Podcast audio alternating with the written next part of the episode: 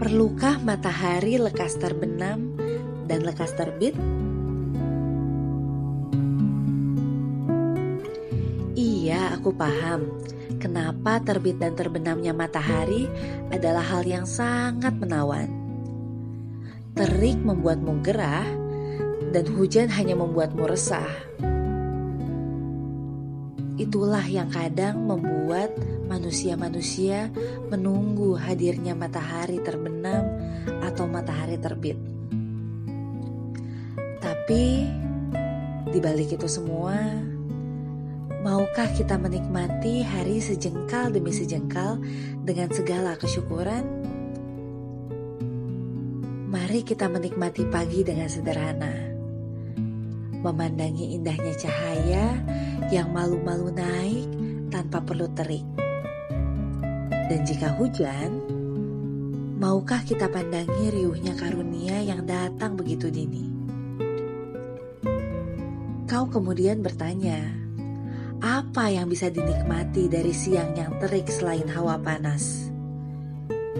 Baru saja tadi siang, aku menatap ke atas langit dan langit yang membiru, juga awan yang seperti permen kapas berwarna putih mengatakan, ia rindu ditatap meski orang-orang hanya mengeluhkan panas. Dan jika siangmu hujan, tenanglah, kita bisa menikmati sebuah kisah. Karena hujan adalah sebuah kisah merelakan paling pasrah.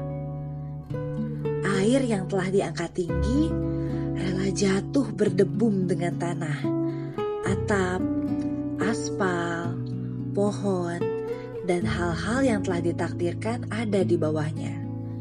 Mencari celah untuk menjadi berarti dalam sela-sela bumi yang basah. Air hujan itu juga rela bertemu dengan tubuhmu jika kau mau. Siang Siang kadang menjadi waktu yang ingin segera dilewatkan. Namun dengan terik atau hujannya, ia bersabar dengan keluhan-keluhan. Ia tahu bahwa senja tidak akan ada tanpanya. Dari siang, waktu akan berjalan dengan perlahan, mengantarkan matahari pelan-pelan ke peraduan menuju senja yang selama ini banyak dipuisikan.